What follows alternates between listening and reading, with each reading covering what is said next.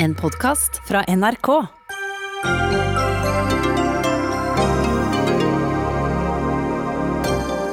Nobels fredspris til verdens matvareprogram. Alt annet enn en kontroversiell tildeling, men like fullt politisk, sier en tidligere direktør.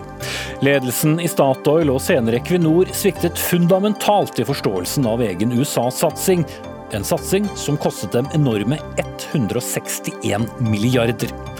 Fort gjort med en port.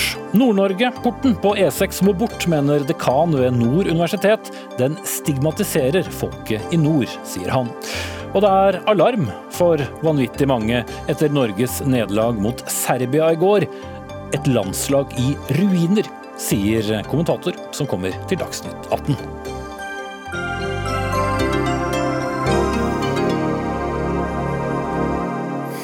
sier vi riktig god fredagskveld og velkommen til Dagsnytt 18. Jeg heter Espen Aas. Ja, som vi pleier å si på denne dag, verdens øyne var rettet mot Oslo. Og det ble altså verdens eh, største matvareprogram som eh, ble tildelt Nobels fredspris for 2020. En organisasjon der Norge er blant de største bidragsyterne og som har om lag 15 000 ansatte på verdensbasis. Så Berit Reiss-Andersen, leder av Nobelkomiteen. Mange har sagt i dag at dette var et veldig trygt og ukontroversielt valg. Var det det?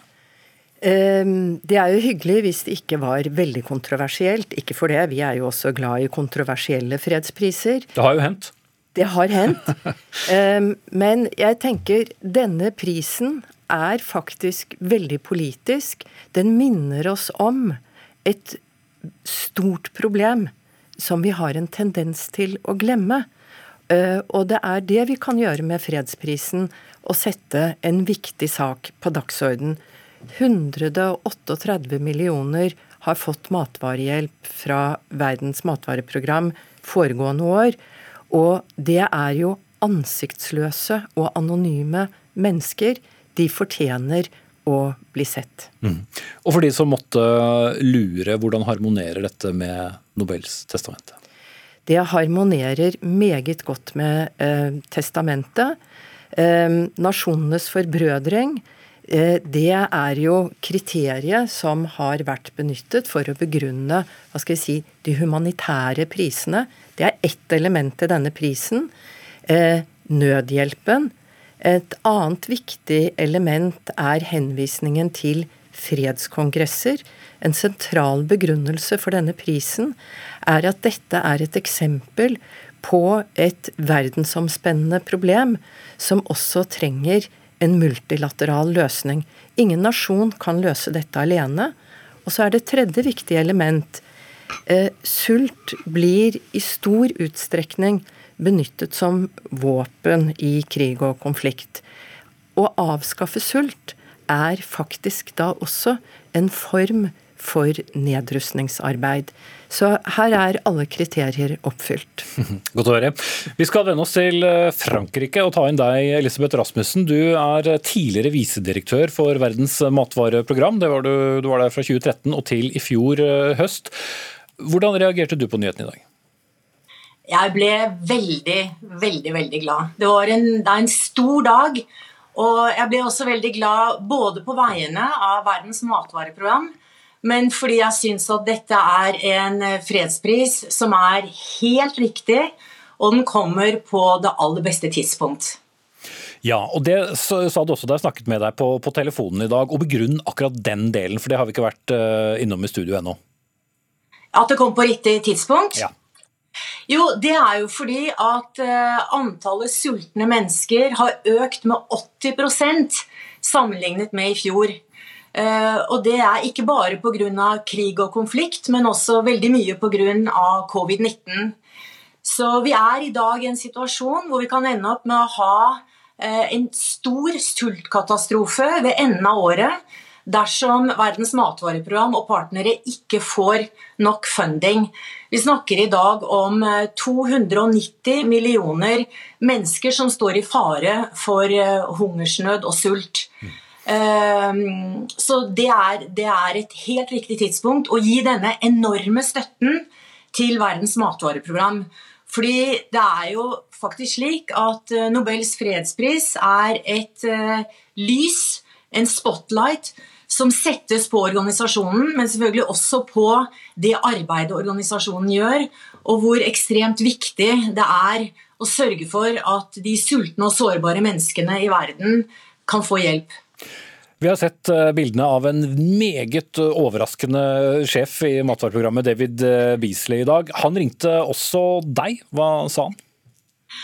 Jo, han, eh, han, ringte meg i dag fordi, fordi, jeg er norsk, og fordi vi har også besøkt Nobels, eh, Nobelsenteret sammen, han og jeg, for et par år siden da han var i Oslo. Eh, og Han ringte meg, og han, han ville bare uttrykke at han var ekstremt glad. Eh, og han sa, Det var litt morsomt sagt, han sa jeg har tre dronninger i livet mitt som jeg må snakke med. og det er, eh, det er kona mi, og så er det Becky Andersen, og så er det deg. Så han var, bare kjempeglad. Han er veldig glad og veldig stolt. Og han ser jo også hvor ekstremt viktig dette er for organisasjonen eh, og for de ansatte og for det arbeidet WFP gjør, eller Verdens matvareprogram gjør. Men et annet eh, poeng som vi også snakket om i dag, eh, Rasmusson, det er jo at vi er inne i en tid hvor store nasjoner og land vender store organisasjoner ryggen. Hvordan kan denne fredsprisen også være viktig i forhold til det? Ja, det, jo, det, er jo helt riktig det, det Nobelkomiteens leder sier. At uh, for å løse de store problemene i verden i dag, så er det nødvendig med samarbeid mellom stater.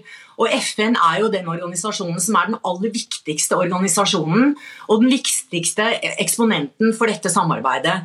Det er etter min mening en skandale at eh, noen av de største og viktigste landene i verden ikke bare forlater FN, men også på en måte ignorerer FN. Så det å sette søkelyset på at en organisasjon hvor interstatlig samarbeid faktisk sørger for å gi støtte til jeg kan nesten si en organisasjon som er et verktøy for å svare på noen av verdens største problemer, det, det er veldig viktig. Mm. Ja, og, og, jeg synes også, bare for å si det eh, Du spurte i begynnelsen av programmet um, Dette er en ukontroversiell uh, pris.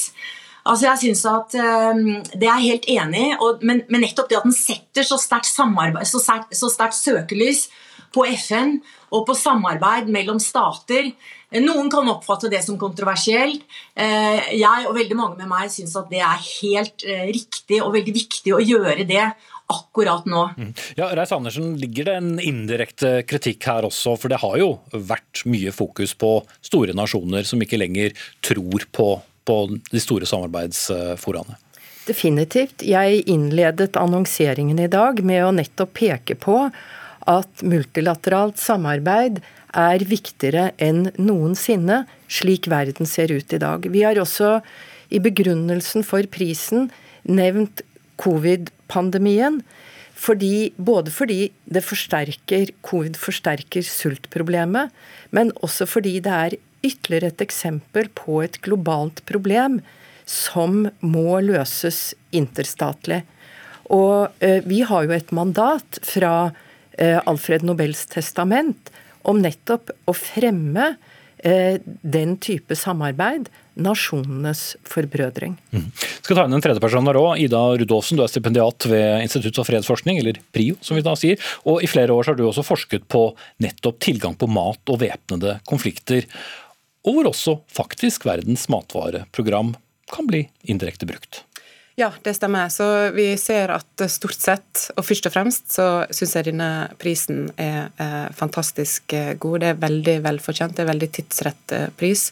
Og og først og fremst den viktigste faktoren er at det, sånt type arbeid hjelper eh, sultramma områder i konflikter til å få, en, få mer tilgang til, til, konflikt, nei, til mat. Unnskyld.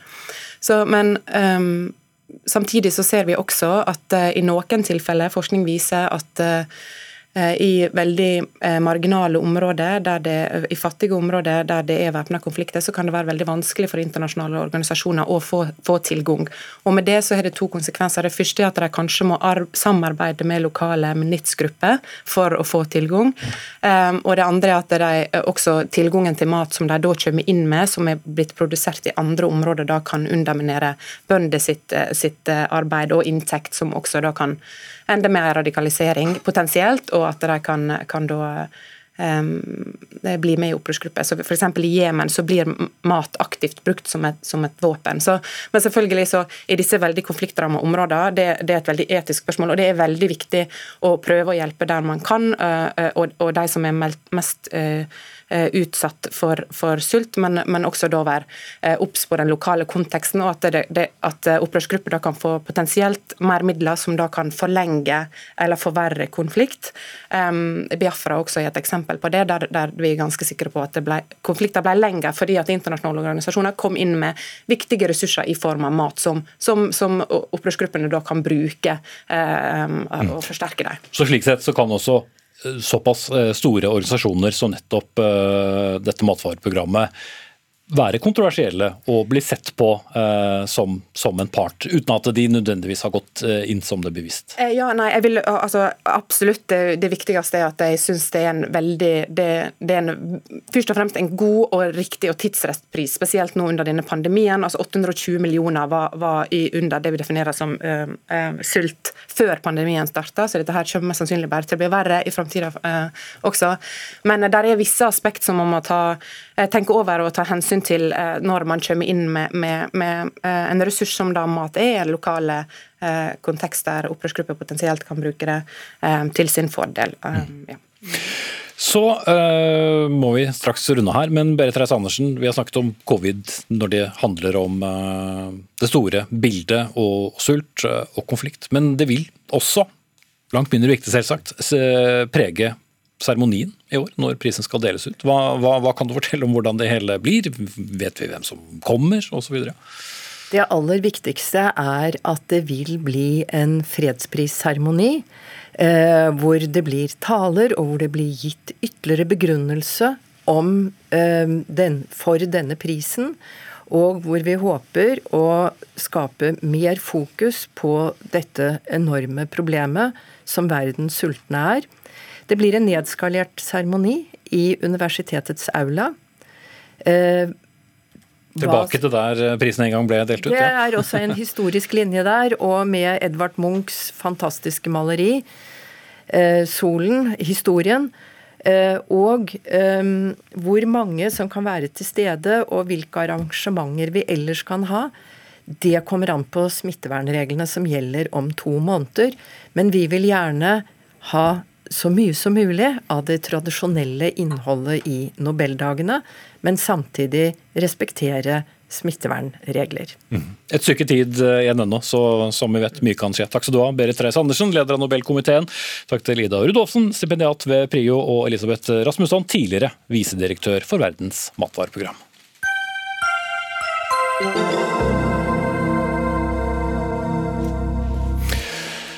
Størstedelen av eh, Dagsnytt 18s eh, publikum så vel eh, først og fremst på statsministerduell på NRK i går kveld, men det kan vel være at en og annen også så en viss landskamp som gikk sånn helt passe for Norge i går kveld. Og mer om alt som gikk så galt mot slutten av sendingen.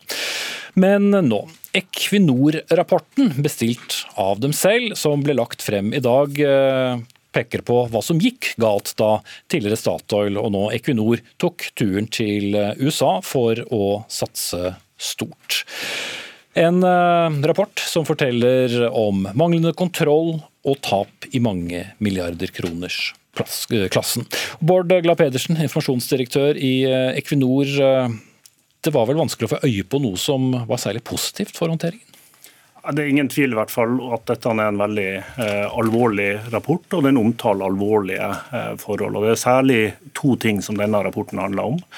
Det ene er at vi gjorde investeringer på land i USA i 2011 og årene før det basert på at oljeprisen var veldig høy, og at vi trodde den skulle forbli høy. Og Da oljeprisen stupte, så fikk vi store økonomiske tap. Mm. Det andre er at i 2012 og 2013 og perioden rundt det, så fikk vi eh, store internkontrollutfordringer. Fordi at vi hadde undervurdert hvor forskjellig det var å drive på land i USA fra det å drive vanlig olje- og gassproduksjon til havs, som eh, vi er gode til. Eh, og vi fikk da de utfordringene. Mm. Hvis det er lov, så, så Det var ett positivt element, siden det var spørsmålet. og Det er at rapporten bekrefter at det ble tatt veldig grundig tak i dette da vi så de problemene fra 2014. Og den bekrefter at internkontrollen i dag er vesentlig bedre, selv om det fortsatt selvfølgelig er ting som vi skal jobbe med fremover. For det poengterte også PwC og, og revisor Elimo Helgesen. Det er fortsatt rom for forbedringer. 12. mai så intervjuet jeg konserndirektør Torgrim eh, Reitan her i Dagsnytt 18, og da sa han nå sitter vi på en forretning hvor internkontrollen er som den skal være. Lønnsomheten er kraftig forbedret, og kostnadsnivået er på et helt eh, annet nivå og mye bedre. Var det en presis beskrivelse av situasjonen? Det var i hvert fall presist at internkontrollen er vesentlig styrka, og det bekrefter den PwC-rapporten uh, som er i dag. Og vi mener at internkontrollen i dag er på et tilfredsstillende nivå. Men den bekrefter også det som vi har sagt i mange sammenhenger, uh, at det er områder der vi fortsatt trenger å gjøre forbedringer. Uh, et av de områdene er knytta til anskaffelser, som helt konkret. Og så er det sånn med internkontroll at du kan aldri lande tilbake og si at nå er det godt nok. Du må hele tida jobbe for at det skal bedres, og du må hele tida jobbe for å opprettholde det nivået som du uh, har. Mm. Men det er klart at det tok i overkant lang tid å komme til et stadium hvor det var akseptabelt? Det, det, har tatt lang tid, uh, men det er helt utvilsomt at det ble tatt veldig grundig tak i det da feilene ble oppdaga fra i 2014. Eh, det leda eh, til et oppryddingsarbeid på eh, kontrollsida så leder jo oljeprisfallet til en ny strategi for selskapet. At vi nå eh, forventer vesentlig lavere oljepriser. At vi sikrer at de investeringene vi gjør er lønnsomme på vesentlig lavere oljepriser. Og Det oppryddingsarbeidet bekrefter rapporten i dag. Det har gitt tydelige og gode resultater. Men på noen områder har det tatt lang tid, og på noen områder sa også utvalget at det har tatt for lang tid. og Det mm. får vi lytte til å ta til oss. Når begynte selskapet å orientere største eier, eh, staten og Olje- og energidepartementet om eh, problemene? Altså, vi eh, informerer jo markedet om hvordan det går med eh, forretningsvirksomheten. og Det er jo ulike sider av dette. De økonomiske tapene skyldes i første rekke at oljeprisen eh, stupte fra 2014, fra å være på et nivå over 140 Eh, dollar per fat og havne på bunnpunktet under 30. Det har vi informert eh, markedet om underveis. Det, det bekrefter også denne rapporten at de økonomiske tapene de har vært kjent og forstått i, i markedet, og da eh, inkluderer det departementet. Mm. Men så er det alle de andre tingene som handler om gjelder, enorme utbetalinger som ikke skulle skjedd osv. Ja, når det gjelder, uh, gjelder kontrollutfordringen, så har det hele tida vært sånn at vi på tross av de har hatt reviderte revisorgodkjente regnskaper som har vært uh, riktig. Og de har ikke vært på et nivå der revisoren har ment at dette er en kontrollutfordring som når en terskel eller faste regler for det, at det skal informeres i årsrapporter for det. Eh, så dette har vært internkontrollrapporter som vi har brukt internt, vært åpne om internt, jobba med sånn som alle andre selskaper gjør. Men vi sier jo i dag at vi burde ha vært mer åpne om omfanget av de utfordringene på et tidligere eh, tidspunkt. For det var ikke alltid så lett å få øye på det i rapportene? Nei, men, men det som, eh, eh, nei, det er det ikke. Men de økonomiske tapene har vært kjent og forstått. Eh, regnskapene har vært revisorgodkjent og riktig. Internkontrollrapportene har vært fulgt opp og jobba med, og det har blitt en vesentlig bedring av det. Men så er det riktig at vi, vi, vi har sagt at vi, vi, burde ha vært mer åpne om de utfordringene. Ikke spesielt til, til, bare til departementet, til departementet, men også til øvrige eiere være, og interessant. Mm. Skal bringe inn politikeren politikerne her nå. Det skulle egentlig vært en høring om Equinor til uken, som nå, som nå blir utsatt. Og Espen Barth Eide, stortingsrepresentant i, i Arbeiderpartiet, du, du, krever nå at statsråden må, må svare. Eh, Stortinget på denne saken, men hva kan statsråden si som ikke Equinor allerede har sagt? Altså Statsråd Bru har jo allerede vært i Stortinget i juni og kommet med en grundig redegjørelse, hvor hun for øvrig var veldig tydelig på at det var en rekke forhold her som hun også mente var langt fra akseptable. Og Det er jo den redegjørelsen vi nå behandler, og det er derfor vi har en sak i Stortinget. Vi skulle ha en mindre høring neste uke. Komiteen bestemte i dag at den skal vi utvide til å ha flere statsråder bakover også, og at vi derfor gir det litt mer tid, slik at folk får forberedt seg ordentlig på det. For vi, fordi det vi er opptatt av nå, etter denne rapporten som er usminket og ærlig og seriøs, og sier en del ganske alvorlige ting om internkontrollen i USA, særlig i årene rundt etter 2014, hvor disse, det røde flagget da, kom opp, slik rapporten beskriver. Eh, det vi er opptatt av, er jo hva visste departementet, og hva visste departementet når? Hvilken informasjon fikk de? Eh, hvilken informasjon etterlyste de, og hva brukte de i så fall denne informasjonen til?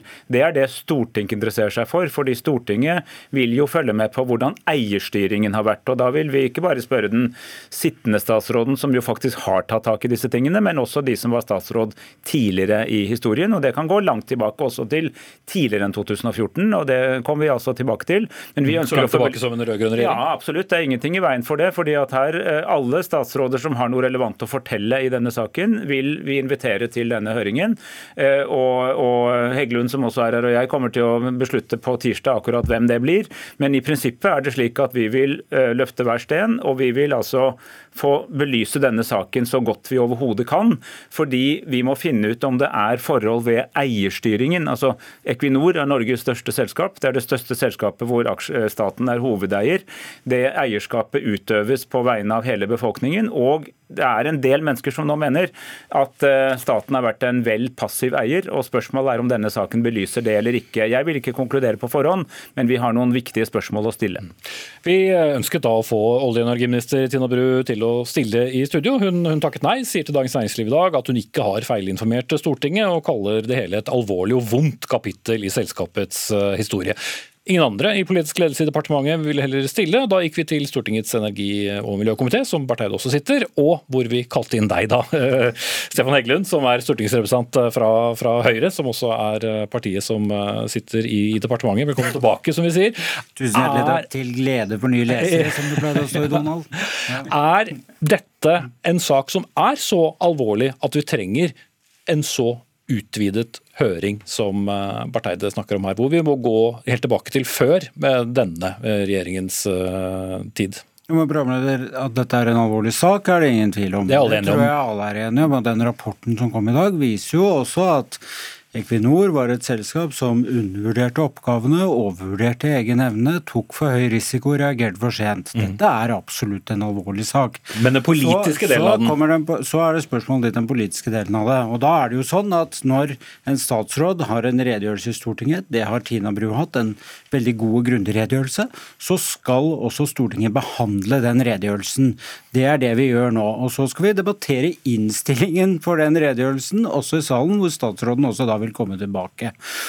Så, så, dette er vanlig prosedyre å gjøre det på når man behandler slike redegjørelser. Mm. Men da bør, bør, da samtlige olje- og energiministre, som det har jo vært en del av, både i uh, Høyre-Frp-regjeringen og tilbake da kanskje til Ola Borten Moe og andre i den rød-grønne regjeringen før det. Men Heggelund først og Barth Eide på. Ja, altså for meg er det fremdeles litt uklart hva slags type høring saksordfører Espen Barth Eide ønsker å ha i denne saken. Bare sånn at det er sagt. Men det skal vi jo diskutere på komiteens eh, møte på tirsdag, og da få klarhet i det. Og så har vi vært opptatt av, fordi der hvor det tidligere har vært snakk om at eh, Tina Bru må komme f.eks. på en slik høring, så vil jo vi da ha hele historien. Og når vi vet at dette eventyret, som det for øvrig var bred politisk konsensus om da det begynte, dette eventyret eh, det går tilbake allerede til 2000, eh, eller helt tilbake til 2008.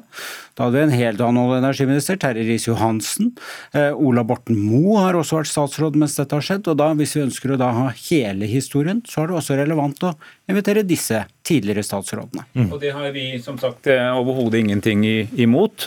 Nå er det et kritisk år i denne rapporten fra PwC som Equinor har bestilt og som også går igjen i Tina Brus redegjørelse, nemlig 2014. 2014. Fordi 2014, som jo er, det, er da Tord Lien eh, statsråd i, i Erna Solbergs regjering, mens Fremskrittspartiet var med i den, eh, og det er da det året hvor man internt i Equinor oppdager at det er, eh, som de selv sier, alvorlige utfordringer knyttet til Så, så det er der du mener særlig det burde vært tatt grep? Det er jo et særlig viktig år å finne ut hva, ble, hva, hva informerte da selskapets ledelse og styre til departementet som, som eh, hovedeier, eh, og hva, hvilken informasjon ble oppfattet i departementet, hva visste politisk ledelse, og var det slik at dette utløste flere spørsmål, eller tok man det bare til etterretning? Fordi den redegjørelsen fra Bru, som jeg er enig med Heggelund var grundig og god, kunne gi et inntrykk at man i første omgang egentlig bare tok det etterretning, og, og, og tenkte at dette får Equinor rydde opp i selv. Og Da vil vi stille noen spørsmål om det var en tilstrekkelig god oppfordring. Derfor vil vi i hvert fall høre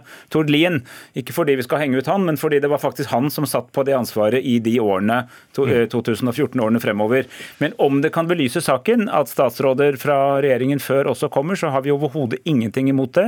Fordi poenget her er å finne ut om eierdialogen mellom hovedeier staten og Norges største selskap Equinor er god nok. Vi vil lære av dette, ikke straffe noen, men lære om det er noe vi kan gjøre bedre i fremtiden. Så det bør ikke nødvendigvis få noen politiske konsekvenser for noen. Også, vi skal jo snart på en tredje altså Det har jo vært både Helge Lund var konsernsjef i, i, i Statoil, etterfulgt av Veldar Sætre, og snart er det en, en ny uh, konsernsjef. Uh, altså, som saksordfører i denne saken så har jeg verken tenkt å forskuttere eller på forhånd avlyse noen konsekvenser. Altså, vi skal jo finne ut hva denne saken forteller oss, men hovedformålet er nå i hvert fall at vi skal lære av dette, fordi det har også vært enorme tap. Mye av det forklares med oljeprisen, det er jeg helt enig i, men det er også forhold langt utover oljeprisen, som denne rapporten er gjort veldig tydelig, som er på altså egentlig ganske sjokkerende dårlig internkontroll. Jeg, og jeg tror på at, eh, jeg tror virkelig på at selskapet tar det på alvor. Jeg oppfatter at Eldar Sætre og nåværende ledelse er veldig tydelig på det. Men det har likevel skjedd, og da må vi finne ut hvordan kunne det skje, okay. og hva gjorde staten. Der må jeg sette strekk. Takk skal dere ha. Espen Barth Eide fra Arbeiderpartiet, Stefan Heggelund fra Høyre og Bård Glad Pedersen fra Equinor.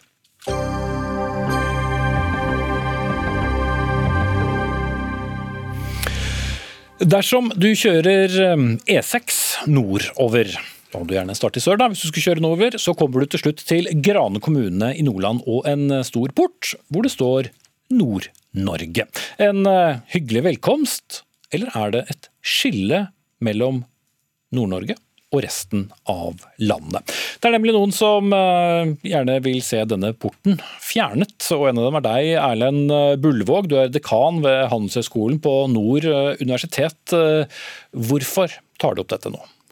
Dette er et veldig viktig spørsmål. Nord-Norge står på mange måter i et veiskille mot framtida. Vi skal inn i en mye grønnere næringslivssituasjon. Vi skal prøve å skape arbeidsplasser til mange nye folk som, og hindre at folk flytter. Og så skal vi også prøve å få et, et klart bilde av hva Nord-Norge er for resten av landet. Og da mener jeg at denne type symbolbruk bør vi tenke nøye gjennom, og den representerer noe som ikke kanskje er Nord-Norge. Ja, hvordan påvirker dette arbeidsplasser og alt det andre du nevner? Det er jo først og fremst bare en port eller portal eller hva man skal kalle det, hvor det står Nord-Norge. Ja, den står der, og den står tvers over E6. og Det er det første du møter når du kjører fra Oslo. Da har du kjørt effektivt i tolv timer. og For de som har kjørt videre, så vet jeg at det tar minst 23 timer til å kjøre til Kirkenes. Så du er, du er ikke engang halvveis i Norge den er på mange måter misvisende for hva Nord-Norge er. Ja, Så den stigmatiserer, er det du mener? Eller? Ja, Det er også en måte å si det på. og Det å bruke den type symboler, at dette er en port og det som er på andre siden er annerledes, eh, er noe som vi ikke trenger i Nord-Norge. Vi trenger å bli knytta mye nærmere til resten av Norge. Mm. Så det er to Norge, Nord-Norge og det andre Norge? På mange måter kan det bli sånn, og det, mange, det er lett for at man danner seg dette, dette bildet. Selv om når man kjører under, E6, under denne på E6, så er det jo mange som tenker at OK, nå er jeg kommet hit. Men eh, symbolet er, er, tungt og sterkt, og vi bør kanskje vise fram mye mer av landsdelen. Mm. Det første fylket du kommer til er altså Nordland, og Siv Mossleth, du er stortingsrepresentant eh, der fra Senterpartiet. Men du vil ikke fjerne denne porten. Eh, hva er det som er så fint med den? Nei, Dette med å fjerne porten til Nord-Norge er noe av det dummeste jeg har hørt på lenge. Jeg trodde at det var slutt på den tida hvor vi sto med hua i handa og ikke torde å si at vi kom fra nord. Når jeg kjører gjennom den porten, så blir jeg jo glad. Det er flott å komme hjem, og jeg får den heimefølelsen. og Jeg er jo stolt over å være nordlending. Det er ikke noe stigma. Og jeg tror men, men altså, Mange har jo i hvert fall de tidligere tider som selv peker på, og, noen gjør vel kanskje det fortsatt, at det er Nord-Norge og nordlendinger. Det gjelder alle som, som, bor fra Nordland og nordover. Og så er det resten av Norge, kanskje vi er søringer, jeg vet ikke. Men det er, er jo da et symbolsk skille. Nå forlater du en del av Norge, og så kommer du inn i, i et annet. Kanskje mange føler de ville heller vært del av der de kom fra? Det er ingen problem å eh, være fra Nord-Norge og samtidig være en del av Norge. Eh, og jeg tror ikke det er riktig det som Bullvåg tror, at eh, våre besøkende, folk som har lyst til å flytte nordover, eh, vil ha denne porten som noe problem. Altså De som kommer til oss, de ser jo midnattssola, de ser jo nordlyset, de ser flotte folk, eh, fin natur, eh, kyst og fjell. Og, men hvis vi skal se litt på hva som er problematisk, så er det jo den politiske utviklinga i, i, landet. Det å ha mer distriktspolitikk vil øke verdiskapinga i Nord-Norge med 30 milliarder. Ok, ja, De, de sakene kjenner vi, vi holder oss litt ennå. Vil tilbake til deg, Bullvåg. Ville det endre noe som helst? Og Sjelden har vel så mange sørfra også reist til Nord-Norge som i, i, 2020 på ferie, og, og, sikkert hatt ganske flotte opplevelser og tenkt jeg ble ønsket velkommen gjennom denne porten. Ja, det, det, er jo veldig flott at så mange tok turen eh, nordover, og de er hjertelig velkommen. Og klart det ville endre noe. Hvis du, har, hvis du, lager et inntrykk av at du eh, nå kommer til landsdelen, du representerer, viser et symbol som er en port, så skjønner du at du er her. Men det står heller ikke en port andre veien, og det står ikke en port til andre landsdeler.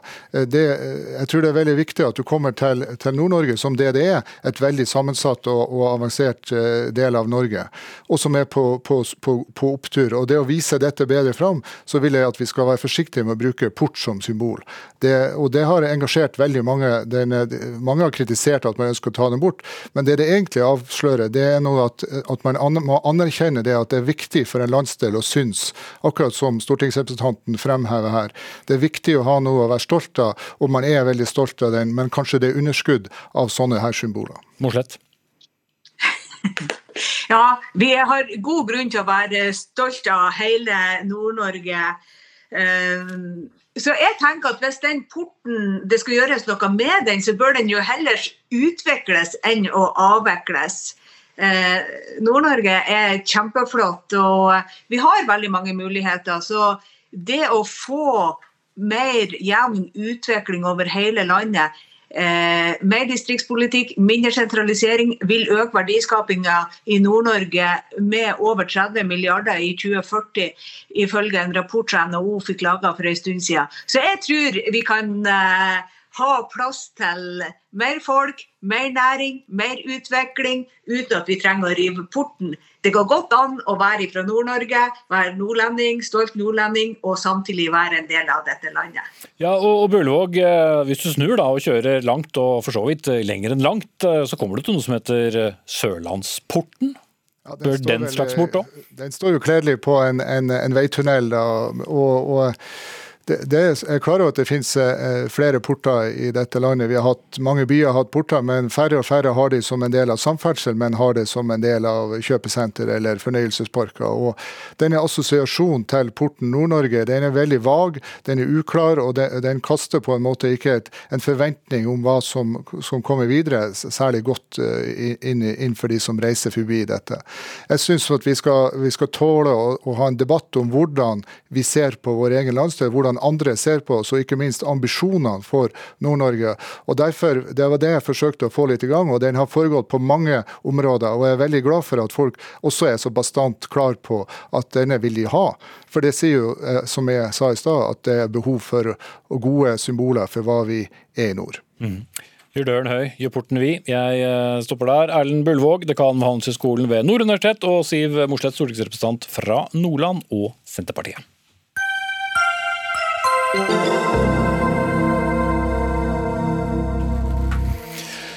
Flere EU-land ønsker ikke å inngå en frihandelsavtale med Brasil, med mindre denne avtalen inneholder klare krav om beskyttelse av både regnskog og urfolk i Amazonas. Også EU-parlamentet har sagt at avtalen ikke kommer til å bli ratifisert slik som den står nå, og nå må Norge følge etter, mener du Frode Pleim, leder i Greenpeace Norge. Hvordan og hvorfor?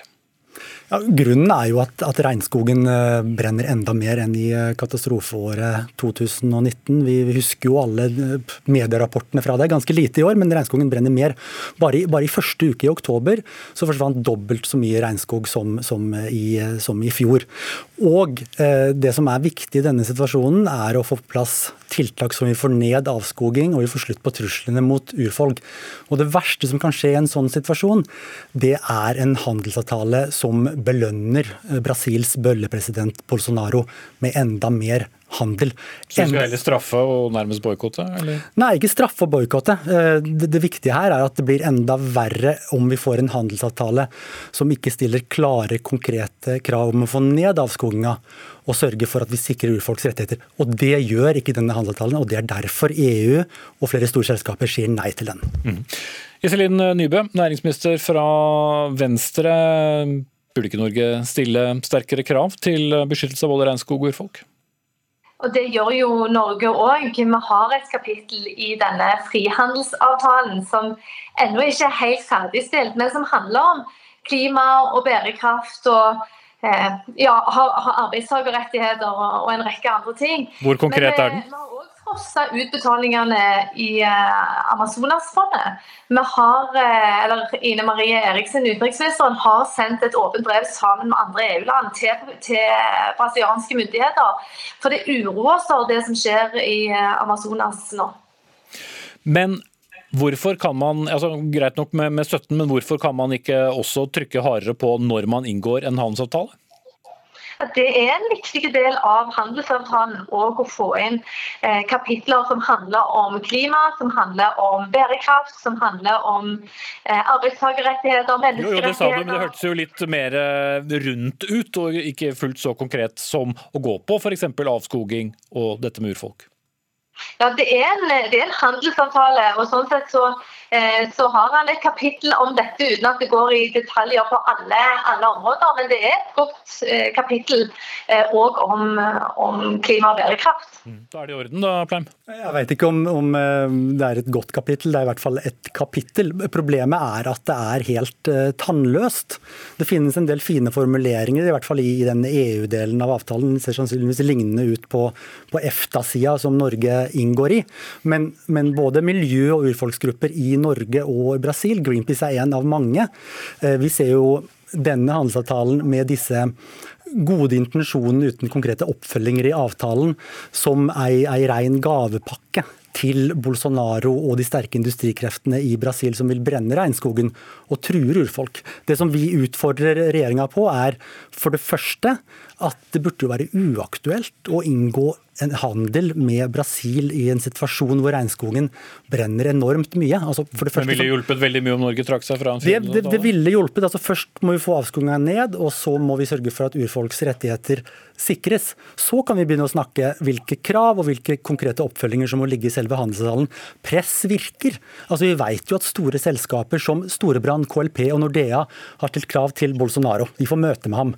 Og EU og Venstre har jo akkurat blitt et, et, et EU-parti, det gjelder Høyre også. De går jo foran. De er mye sterkere enn hva Norge er. Frankrike har sagt nei til avtalen.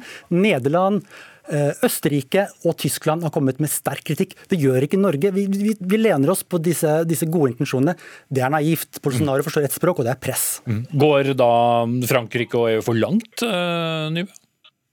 Altså, Hvert land må jo avgjøre eh, hva de selv gjør. Vi følger jo tett med hva EU gjør, og vi har òg eh, kontakt med EU om dette. her. Men la meg understreke regjeringen er opptatt av dette. Vi har frosset utbetalingene fra Amazonasfondet. Utenriksministeren sendte brev nå i september eh, om nettopp dette. Men eh, det å ha en handelsavtale det gir oss enda en arena til å ha den dialogen, til å utøve det presset, til å fremme våre, våre synspunkt overfor eh, andre land. Så jeg mener i utgangspunktet at eh, handelsavtaler er bra. Eh, og så er det sånn eh, at alle land er ikke sånn som oss. Nei, altså Handelsavtaler er vel mange enige om eh, at det er bra, men er det riktig å inngå handelsavtaler samtidig som eh, det er mange kontroverser rundt sittende presidents forhold til både urfolk eh, og, og regnskog? Eller er det to forskjellige ting med politikk og økonomi? Nei, det I handelsavtalen har òg disse temaene oppe. Men en handelsavtale kan aldri løse alle problemer Norge måtte ha eh, med et annet land. Men det gir oss en anledning til å ha dialog om de vanskelige tingene. Om det er klima eller det er menneskerettigheter. Derfor så har vi òg et kapittel i en handelsavtale om nettopp det. Men våre viktige, viktige virkemidler er òg mer enn en handelsavtale. Som f.eks. Eh, dette fondet som nå er fossa, eller den politiske dialogen. Okay, det er veldig bra at uh, disse midlene i Amazonasfondet er for oss et kjempebra regjeringa. Hvorfor kan dere ikke også være konkrete konkrete eh, når det gjelder handelsavtalen. Handel er en fin ting, ikke om det går på bekostning av flere branner og flere drap på urfolk. Hvorfor kan ikke regjeringspartiet Venstre eh, i ei regjering som nettopp har erklært naturkrise, gå ut og si at handel, det skal vi ha, men vi stiller først krav om at avskoginga må ned, og urfolks rettigheter må sikres. Vi forstår det ikke. Det er fullt mulig for Norge nå å gjøre som Frankrike, å gjøre som Nederland, gjøre som Tyskland, gjøre som Østerrike, gjøre som disse EU-landene og stille veldig tydelige krav. Norge henger nå langt etter norske selskaper som Storebrand og KLP som stiller tydelige krav, og EU-land som er langt mer konservative enn Norge. Det er, det er, urimelig at Norge, som har så mye å tape på, f.eks. når det gjelder regnskogsatsinga vår, at vi ikke skal stille disse tydelige kravene når det gjelder handel. Mm. Ja, Nybø, må mange land, åtte til ti kanskje, eh, gå foran før Norge vurderer å, å gjøre noe tilsvarende? Altså, Norge har eh, kommet veldig langt i avtalen med Mercosur. Eh, det gjenstår noe juridisk og teknisk gjennomgang, så regjeringen har formelt sett ikke eh, beslutta signering eller å oversende den til Stortinget. Men vi har fått på plass en god avtale. En avtale som òg adresserer klima, bærekraft, eh, miljø. Eh, så jeg, eh, jeg, mener vi har, eh, vi har den arenaen for å diskutere de vanskelige tingene. Og så forventer vi av våre selskaper at de òg forholder seg til internasjonale lover og regler når de, når de, handler og når de driver i andre land. og Derfor syns jeg det er bra jeg, at våre selskaper òg er tydelige på hva de mener om, om at Amazonas brenner. Men, men, kort til slutt, Nybø. Hvis det ikke er noen bedring, vil Norge tenke annerledes da? Altså Hvis vi skal reforhandle denne avtalen, eh, så er det for det første ikke sikkert at vi får noe bedre avtale. Tvert imot så kan vi òg få eh, flere krav mot oss. Eh, denne avtalen som vi nå har forhandla fram, det er en god avtale. Den adresserer klima, men vi skal fortsatt presse på. Vi skal fortsatt være tydelige på hva vi mener om det som skjer i Brasil nå, både knytta til til brann eh, og, og, Amazonas, men òg knytta til menneskerettigheter og urfolk og, og, andre ting som vi mener er problematiske og som må adresseres. Er, er, du beroliget, Pleim? Ja, er, nei, jeg er ikke beroliget. For det er, det er, kanskje en god avtale for handel. Det er ikke noen god avtale for natur, klima og urfolk. Og nå kan vi få en veldig interessant situasjon på Stortinget om, om, eh, om Nyborg-regjeringa velger å sende den over for ratifisering, godkjenning i Stortinget. Fordi at der begynner opposisjonen minus Frp å bli samla. Senterpartiet, SV, Miljøpartiet og kanskje Arbeiderpartiet. Og da kan Venstre eller KrF bli tunga på vektskålen som godkjenner en handelsavtale som eh, er akkurat det som Bolsonaro vil ha i ei tid hvor regnskogen brenner enormt mye. Den som venter får se. Takk skal du ha, eh, Frode Kleim, leder i Greenpeace Norge, og takk til Iselin Nybø, næringsminister fra Venstre. Hør Dagsnytt 18 når du vil. Radio NRK Radio.nrk.no.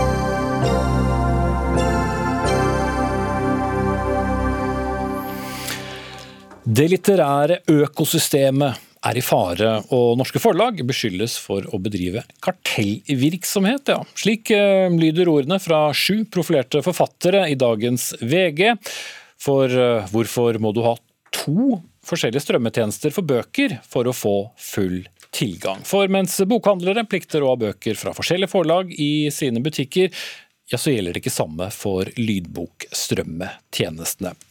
Én tjeneste har noen bøker, en annen tjeneste har noen andre. Og Jørn Lier Horst, eh, forfatter og en av initiativtakerne bak denne kronikken, som du skrev bl.a. sammen med forfattere som Unni Lindell og, Lindell og, og Tom Egeland, så eh, er det mye som kan sies om hvordan eh, norsk bokbransje er satt sammen og, og fungerer. Men hva er det dere først og fremst vil si?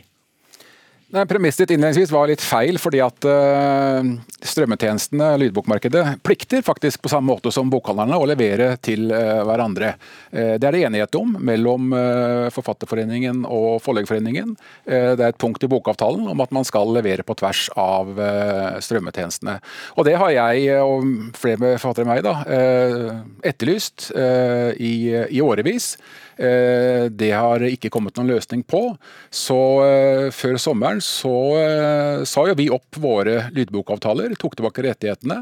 Har brukt sommeren og høsten på å spille inn disse lydbøkene på nytt, for å tilby de til et bredere, bredere marked. For det som i praksis har skjedd, er jo at, at Gyldendal Aschehoug, som eier Fabel, Cappelen Dam, som eier Storytel, de har sittet på hver sin side og tilbyr i hovedsak sine forfattere i sine eh, strømmetjenester. Og det har jo da ekskludert meg f.eks. fra ja, tre fjerdedeler av dette strømmemarkedet. Mm. Og det går da på din bunnlinje, og du tjener mindre penger enn du ville ha gjort? Ja, eh, nå tjener jo jeg så det er greit, men dette her kan jo faktisk utgjøre en veldig stor forskjell eh, for eh, mange andre forfattere. Mm. Vi har brukt mye tid på å ringe rundt til aktører i bransjen i dag. Det er mange som ikke vil stille, men Einar Ribenholt, strategidirektør og Gyldal og leder i Forleggerforeningens allmennutvalg, du kommer. Hvorfor, hvorfor, er det så vanskelig å, å få til en, en, løsning som tilfredsstiller alle her? Er man først og fremst opptatt av sin egen strømmetjeneste? Altså, strømmetjenester er veldig potente ting. Eh, så eh, det å få til gode avtaler som sikrer at eh, interessene til alle forfattere, ikke bare bestselgere, blir ivaretatt på en god måte, har vært utfordrende. Det, er, så det har ledet til at de forhandlingene som har pågått over veldig lang tid, har vært krevende. og så har man... Men har dere ikke en plikt? Til å Jo, absolutt, men vi har ikke en plikt til å rasje inn og ikke forvalte rettighetene ordentlig. Så Vi har nok definert det som et ansvar vi har for å sørge for at dette blir en bærekraftig eh, institusjon for hele det litterære feltet. Mm. Lytter av Dagsnytt 18 eh, vil nok være helt enig i at ikke dette er rushet, fordi vi har diskutert dette flere ganger. Hvor lang, hvor lang tid har dere brukt på dette nå?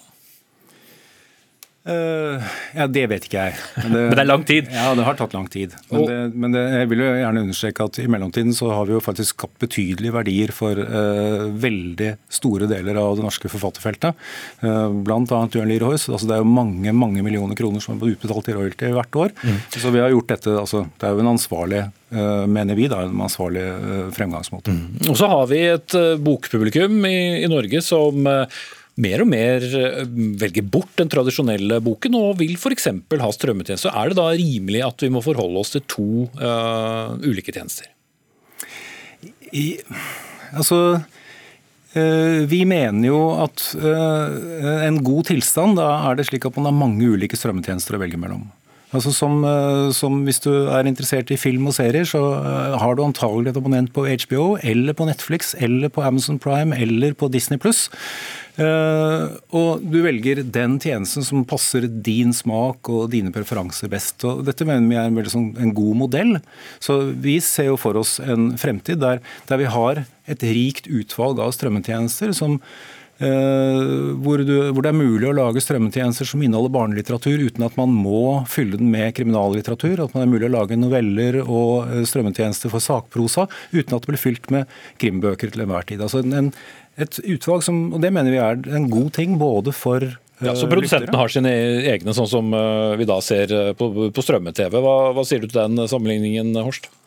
Ja, Det er jo det som gjerne blir trukket fram, da, men det er jo uh, en håpløs sammenligning. HBO, Netflix og Disney Plus er jo multinasjonale mediegiganter med internasjonalt uh, innhold. Og Det er jo heller ikke riktig at de har eksklusivt innhold. Dette, altså De har originale produksjoner som vises på hver enkelt kanal eller, strømmetjeneste.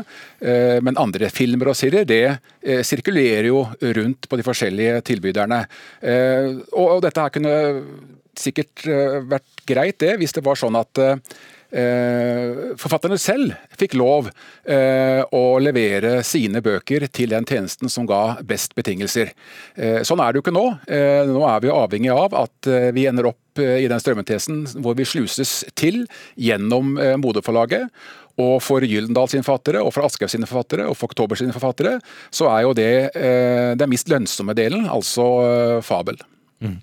Ja, er det en særlig tilfredsstillende løsning, dette her? Eller mangel på løsning, da, Iben Holt? Forfatterne er sure. Mange som liker og er glad i lydbøker, syns ikke noe om å måtte forholde seg til eh, to tilbydere, uansett eh, sammenligningen din med strømme-TV. Ja, men altså Man må jo man måtte jo jamføre her. Det er um, hvis man tenker på Spotify, som er liksom den, det arkeeksempelet på én tjeneste for alt, så, så kan det være greit å huske på at hvis en artist skal tjene en amerikansk minstelønn på Spotify som er ca. 15 000 kroner, så kreves det 330 000 strømminger av den ene låta. Jo, men nå snakker vi om en norsk ja, forleggerbransje her, da. Er, disse tjenestene har et enormt potensial i seg til å bli både veldig bra og til faktisk å kunne uh, virke ganske destruktivt. Og det er viktig å merke seg her, da. Spotify er sånn at den, eh, en av de rikeste mennene i musikkbransjen er Daniel Eek. Plateselskapene trives veldig godt med dette. her. De lidende i den verdikjønnen der, det er artistene. Mm. Horst? Ja, altså Vi kan ikke sitte her og diskutere Spotify, for eh, Spotify har ikke momsfritak. De har ikke store statlige innkjøpsordninger. De har ikke stipend, de har ikke støtteordninger. De har ikke fastpris, de har ikke normalkontrakt, og de har ikke unntak fra konkurranseloven. Eh, det har det norske litterære systemet. og Til gjengjeld så er det enighet om at eh, det skal utløse en skaffe- og leveringsplikt på tvers av strømmetjenestene. Eh, og Det er der ikke forlagene oppfyller sine forpliktelser. Mm. Hvor lenge til skal dere skynde dere sakte, Ibnol? Altså, nå, som det sto i VG her i går, så er det nå blitt enighet om en avtale mellom eh, de to store aktørene, altså eh, Fabel og Lydbokforlaget på den ene siden og Storytel og Cappelen på den andre, som betyr at man har rammevilkårene for å dele, dele uh, lydbøker seg mm. imellom. Men ikke alle? Ne, altså, dette vil jo være et spørsmål om hvordan man ønsker å sette sammen tjenesten, og alt mulig sånt, men det er i hvert fall som du er innom, det er ikke de, lenger de eiermessige hindrene som ingen egentlig har vært veldig glad for i bransjen. Mm. Men du er ikke tilfreds uh, før du ser uh, skriften på veggen, uh, Horst? Nei, og eh, dette er jo egentlig en ny linje fra, fra, eh, fra både ja, fra Gyldendal, da. Eh, som jeg må jo ha blitt pressa fram nå.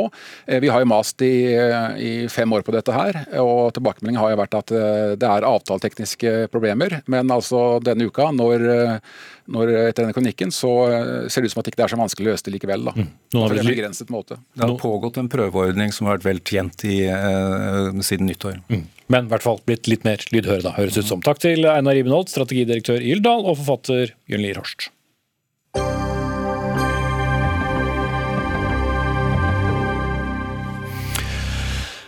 Ja, mange av uh, Dagsnytt 18s faste lyttere satt vel også statsministerduellen i debatten i går kveld, men 874 000 nordmenn satt og så på at herrelandslaget i fotball nok en gang mislyktes i å kvalifisere seg til et sluttspill etter 2-1-seieren til Serbia på Ullevål stadion i går kveld.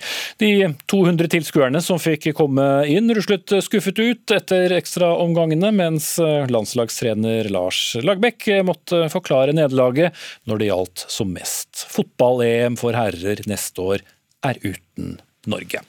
Og Jan Petter Saltvedt, sportskommentator her i eh, NRK. Eh, det går voksne mennesker rundt i landet som aldri har opplevd at det norske herrelandslaget har vært i et, eh, et sluttspill, og så gikk det altså galt igjen. Hva, hva er hovedgrunnen til at det gikk som det gikk?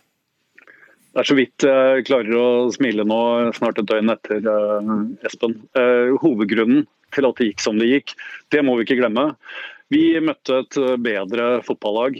En uh, nasjon som har et, en elver som når begge lagene er på sitt beste, likevel er bedre enn Norge. Vi har fått fram unge stjerner, som flere av dem snart er på europatoppen. Men vi har ikke et lag som klarer å slå nasjoner som Serbia, som er til tre av de siste VM-sluttspillene, mens vi, som du har vært inne på, ikke har vært i nærheten, egentlig. Altså, det er uh, et lag som uh, slår oss når ikke vi er 100% på topp, og det var vi ikke i nærheten av i går. Mm. Morten Pedersen, fotballkommentator i Dagbladet. For å sitere deg i egen avis. Etter tre og et halvt år med Lagerbäck er vi egentlig ikke kommet ett skritt videre. Derfor så er det på tide å tenke nytt. Ferdig med Lagerbäck? Ja, og jeg syns egentlig det. Uh, og det kan ikke overraske veldig mye heller. Dette er en uh, resultatindustri. Uh, Lars Lagerbäck kom til Norge for å ta oss til det EM-sluttspillet som vi mister ut nå. han føyer seg inn i rekka av en, ja, mange trenere som ikke har klart det. Sist vi var i playoff, så, så tapte vi hjemme og borte mot Ungarn. Hjemme mot Ungarn så hadde vi ja, Lars Lagerbäck omtalte det sjøl som et ran på, på, onsdag. I går så tapte vi også med ett mål. Det kunne vært fem. Eh, jeg ser ikke at eh, det har skjedd noen utvikling. Vi har ikke kommet et skritt videre. Og fordi vi nå skal inn i en VM-kvalifisering som starter i, i 2021, som er enda vanskeligere enn det å kvalifisere seg til VM, så mener jeg at uh, Lars Lagerbäck har gått ut på dato. At Norges Fotballforbund må begynne arbeidet med å finne Norges neste landslagstrener, sånn at han kan få VM-kvalifiseringa i 2021 til å forberede det som er en reell sluttspillmulighet for Norge, EM 2024. Mm. Empirien ligger der, eh, Saltvedt, på tide å tenke nytt?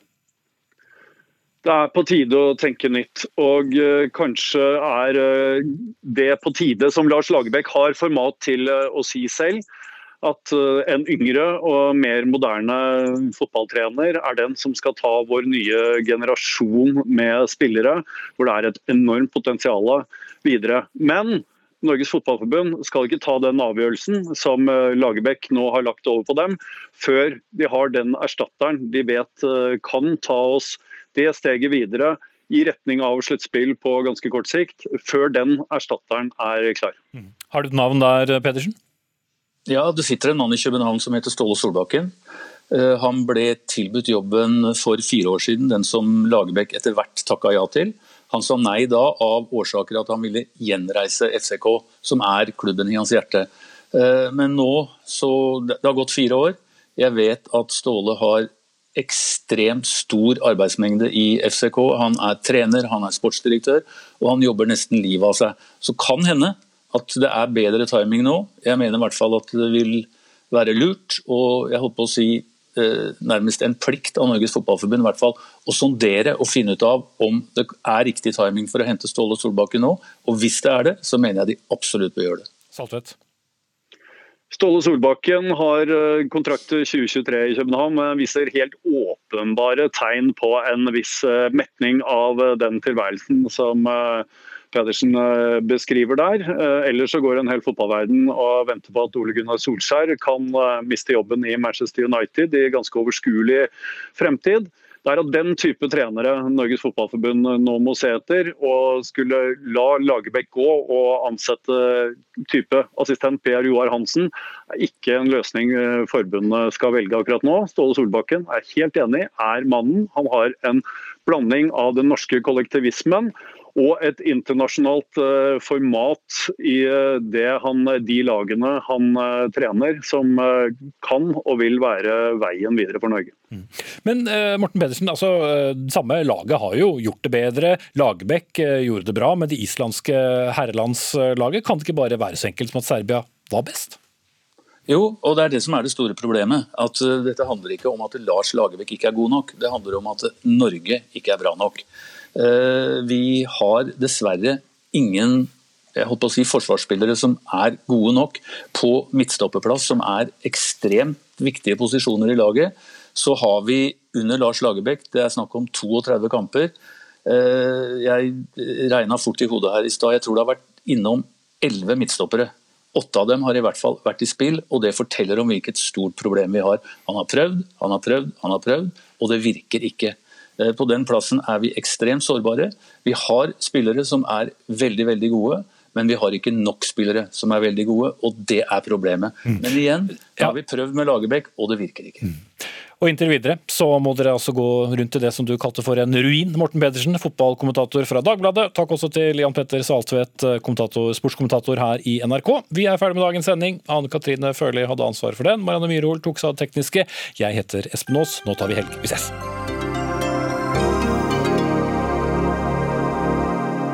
Du har hørt en podkast fra NRK. Hør flere podkaster og din NRK-kanal i appen NRK Radio.